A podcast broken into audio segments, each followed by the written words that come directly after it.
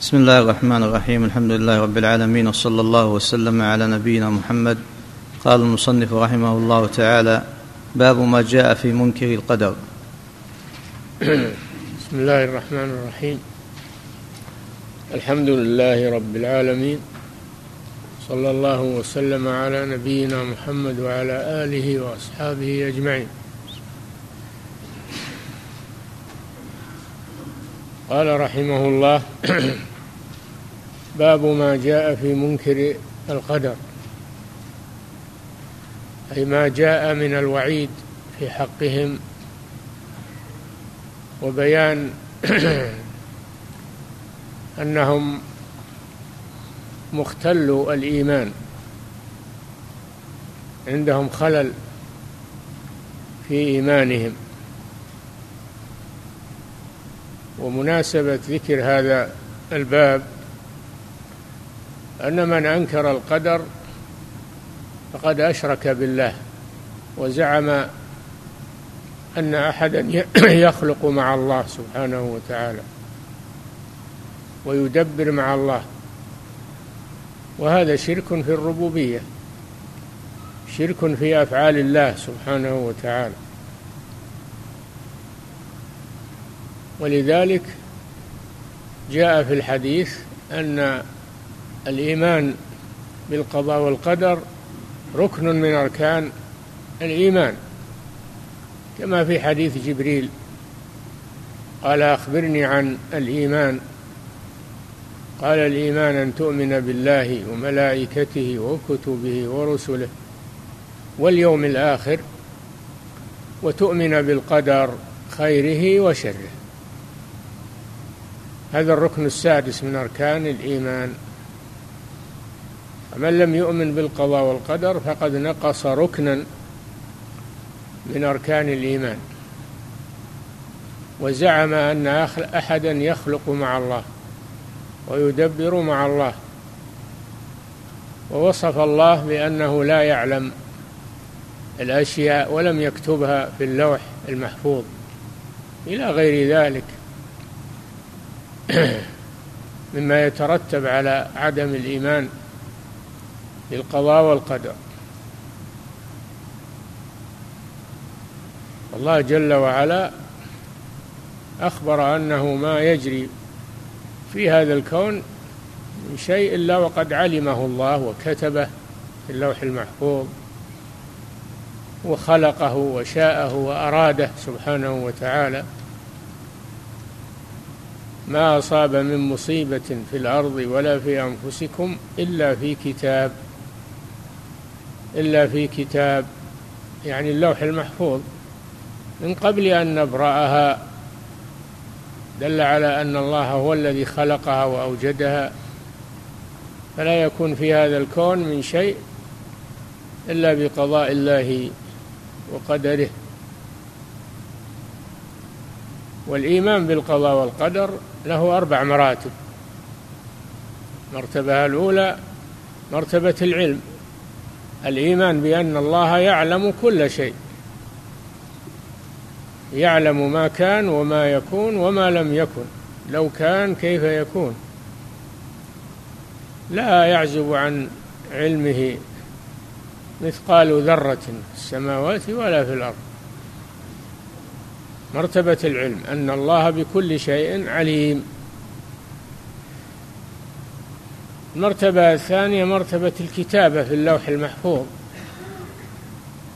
مرتبة الكتابة في اللوح المحفوظ. فما من شيء يحصل مما يكره الناس أو يحبونه من الخير أو من الشر إلا وهو مكتوب في اللوح المحفوظ. الذي كتب الله فيه مقادير الأشياء. مرتبة الثالثة أن الله شاءه وأراده. شاء هذا الشيء وأراده. ولا يحصل شيء لم ير لم يرده الله ولم يشاءه الله. والمرتبة الرابعة مرتبة الخلق. أن الله خلقه وأوجده. فما من شيء في هذا الكون إلا وقد خلقه الله. وأوجده لا شريك له في خلقه وتدبيره سبحانه وتعالى. هذه مراتب الإيمان بالقضاء والقدر وهي مأخوذة من الكتاب والسنة. من نقص شيئا من هذه المراتب لم يكن مؤمنا بالقضاء والقدر.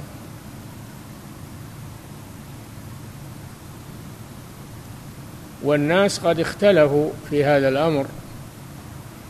على ثلاث فرق. الأولى فرقة الجبرية الذين غلوا في إثبات القدر ونفوا مشيئة العبد واختياره. العبد له مشيئة وله اختيار وله إرادة. الجبرية يقولون لا ما له إرادة ولا له مشيئة وإنما هو مسير فقط. مسير فقط مجبور على ما يفعل من الخير أو من الشر والمعاصي والإيمان مجبور له اختيار وهؤلاء هم الجهمية ومن سار في ركابهم. والفرقة الثانية الذين غلوا في إثبات أفعال العبد واختيار العبد ومشيئة العبد فقالوا إنه يخلق فعل نفسه. ولم يعلم الله ما يحصل قبل وجوده. لم يسبق لله علم في ذلك ولم يكتب في اللوح المحفوظ. نسأل الله العافية. وهؤلاء هم المعتزلة ومن سار في ركابهم من الفرق الضالة. فهؤلاء سماهم العلماء مجوس هذه الأمة. لأن المجوس يثبتون خالقين خالق للنور خالق للظلمة. فالنور يخلق الخير والظلمة تخلق الشر. مجوس. يعبدون إلهين. هؤلاء أشر من المجوس لأن المجوس أثبتوا خالقين وهؤلاء أثبتوا خالقين كثيرين. لا يحصون. كل يخلق فعل نفسه. فهم مجوس هذه الأمة. نسأل الله العافية. الفرقة الثالثة أهل السنة والجماعة الذين جمعوا بين الأمرين. قالوا إن ما يجري وما يحصل من خير أو شر فهو بقضاء الله وقدره وهو مكتوب في اللوح المحفوظ. أحاط الله بعلمه وكتبه قدره وأراده. والعبد له مشيئة وله اختيار يفعل باختياره ويترك باختياره. يؤمن ويكفر ويعصي ويطيع باختياره ومشيئته. الله أعطاه ذلك ليس مجبورا وإنما هو باختياره. ولذلك يثاب على الطاعة ويعذب على المعصية. ولو كان مجبورا ما حصل ثواب ولا عقاب لأنه لا فعل له. ولا إرادة له عندهم. فهذا مذهب أهل السنة والجماعة. إثبات القضاء والقدر وإثبات مشيئة العبد واختيار العبد وكسب العبد. وأنه هو الذي يعمل الخير أو يعمل الشر بإرادته ومشيئته. لمن شاء منكم أن يستقيم ولكنه لا يفعل شيئا إلا بقضاء الله وقدره. وما تشاءون إلا أن يشاء الله رب العالمين. هذا هو مذهب الحق الذي دل عليه الكتاب والسنة في هذه المسألة فهو مسير من ناحية أعماله هو ومخير فيها. مخير هو مخير من ناحية أعماله التي يعملها. وهو مسير من ناحية أفعال الله. فإن فإنه يصيبه المرض ويصيبه الفقر ويصيبه الجوع ويصيبه الخوف والشدة. وهذا لا شك أنه بقضاء الله وقدره. ما له ما له دخل فيه. فهو مسير ومخير. هذا مذهب أهل السنة والجماعة. مسير من ناحية ما يجري عليه من من الأمور التي لا حيلة له فيها. مثل المرض مثل الموت مثل الفقر مثل الشدة والخوف والقلق. فهو في هذا لا حيلة له فهو مسير. لكنه مخير من ناحية أفعاله هو. من الطاعة والمعصية وفعل الخير وترك الشر وما أشبه ذلك فهو مسي فهو مخير. هذا مذهب أهل السنة والجماعة. وفائدة الإيمان بالقضاء والقدر أنه يريح العبد من الهموم والوساوس والشكوك ولو أني فعلت كذا لو أني ويتحسر. يؤمن إن هذا بقضاء الله وقدره وأنه مهما مهما فعل أو حاول فإنه لن يتخلص مما كتب عليه. فيرتاح عند ذلك وأيضا ينطلق في الخير ولا يخاف من من شيء لأنه يعلم أنه لا بد أن يجري عليه ما قدر الله وقضى لا محي لا محيص له عنه. فيمضي في الخير ويمضي في الجهاد في سبيل الله ويأمر يمضي في طلب الرزق وهكذا. لا يحصل عنده تردد أو ارتباك أو خوف بل هو مؤمن بقضاء الله وقدره. أن ما أصابه لم يكن ليخطئه وما أخطأه لم يكن ليصيبه. نعم. وقال ابن عمر رضي الله عنهما والذي نفس ابن عمر بيده لو كان لأحدهم مثل أحد ذهبا ثم أنفقه في سبيل الله ما قبله الله منه. حتى يؤمن بالقدر. ثم نعم. استدل. القدرية فرقة نبغت في آخر عهد الصحابة. الذين ينكرون القدر نبغوا في آخر عهد الصحابة. وأدركهم ابن عمر رضي الله عنه. فلما جاءوا يسألون ابن عمر عن هذه الفرقة وعن قولها في القضاء والقدر قال هذه المقالة والذي نفسي بيده والذي نفسي بيده. هذا قسم. لو أنفق أحدهم مثل أحد ذهبا ما قبله الله منه حتى يؤمن بالقدر. فهذا دليل على أنه أنه لا يؤمن الإنسان الإيمان الصحيح حتى يؤمن بالقضاء والقدر. ولو عمل عمل أعمالا كثيرة صالحة أنفق مثل أحد من الذهب لكنه لا يؤمن بالقضاء والقدر لا يقبله الله منه. لا يقبله الله منه. نعم. ثم استدل بقول النبي صلى الله عليه وسلم الإيمان أن تؤمن بالله وملائكته وكتبه ورسله واليوم الآخر وتؤمن بالقدر خيره وشره. رواه مسلم. استدل ابن عمر رضي الله عنه بحديث جبريل لما سأل النبي صلى الله عليه وسلم بحضرة أصحابه يعلمهم قال أخبرني عن الإيمان.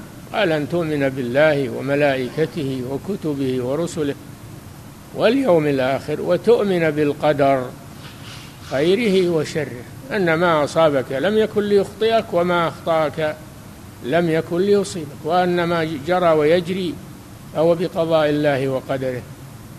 نعم. وعن عبادة بن الصامت أنه قال لابنه يا بني إنك لن تجد طعم الإيمان حتى تعلم أن ما أصابك لم يكن ليخطئك وما أخطأك لم يكن ليصيبك. سمعت رسول الله صلى الله عليه وسلم يقول إن أول ما خلق الله القلم. فقال له اكتب. فقال ربي وماذا أكتب؟ قال اكتب مقادير كل شيء حتى تقوم الساعة. يا بني سمعت رسول الله صلى الله عليه وسلم يقول من مات على غير هذا فليس مني. وكذلك عبادة بن الصامت الصحابي الجليل الأنصاري رضي الله تعالى عنه استنكر هذه المقالة. وقال لابنه يا بني لا تجد طعم الإيمان. يعني الراحة راحة الإيمان ولذة الإيمان. الذي لا يؤمن بالقضاء والقدر يجد القلق والتشويش والخوف والتوجس. أما المؤمن فإنه يرتاح ويطمئن ولا يحصل عنده شيء من الانزعاج. ما جرى عليه يؤمن أنه بقضاء الله وقدره ويتخذ الأسباب يتخذ الأسباب التي أمره الله بها من العمل وطلب الرزق وغير ذلك لكنه مرتاح في حياته وفي سيرته وفي عمله. مرتاح عنده طعم الإيمان. الإيمان له طعم وله لذة راحه لا يجدها المتشكك والمرتاب لا يجد طعم الإيمان ولا يرتاح. أما الذي يؤمن بالقضاء والقدر فإنه في راحة مما يجري خيرا أو شر. إن كان خيرا حمد الله وأثنى عليه وإن كان شرا تجنبه وتاب إلى الله عز وجل فالقدر يوجهه إلى الخير ويمنعه من الشر ويريحه من الهموم والوساوس والقلق. هكذا لا تجد طعم الإيمان. حتى تعلم أن ما أصابك لم يكن ليخطئك وما أخطأك لم يكن ليصيبك. ثم أخبر أن الرسول صلى الله عليه وسلم قال إن الله سبحانه وتعالى كتب ذلك في اللوح المحفوظ. وما دام مكتوب في اللوح المحفوظ فلا بد أن يجري. رضيت أم كرهت؟ ولكن عليك بالإيمان وفعل الأسباب النافعة والواقية وفعل الخير وترك الشر وأنت عندك قدرة على هذا وعندك مقدرة على هذا. عندك مشيئة وإرادة. نعم. وفي رواية لأحمد إن أول ما خلق الله تعالى القلم فقال له اكتب فجرى في تلك الساعة بما هو كائن إلى يوم القيامة. الصحيح أن أول ما خلق الله من المخلوقات العرش. العرش. ثم خلق القلم بعد العرش وأمره بالكتابة. أمره بكتابة ما كان وما يكون في اللوح المحفوظ. فقوله أول ما خلق الله القلم قال له اكتب يعني من أول ما خلقه قال له اكتب. فالكتابة مقارنة لخلق القلم. كتابة المقادير مقارنة لخلق القلم لم تتأخر. وليس معنى ذلك أن القلم هو أول المخلوقات. بل الذي دلت عليه الأدلة أن أن العرش هو أول المخلوقات. نعم نعم. يكفي والله تعالى أعلم. صلى الله وسلم على نبينا محمد وعلى آله وصحبه أجمعين.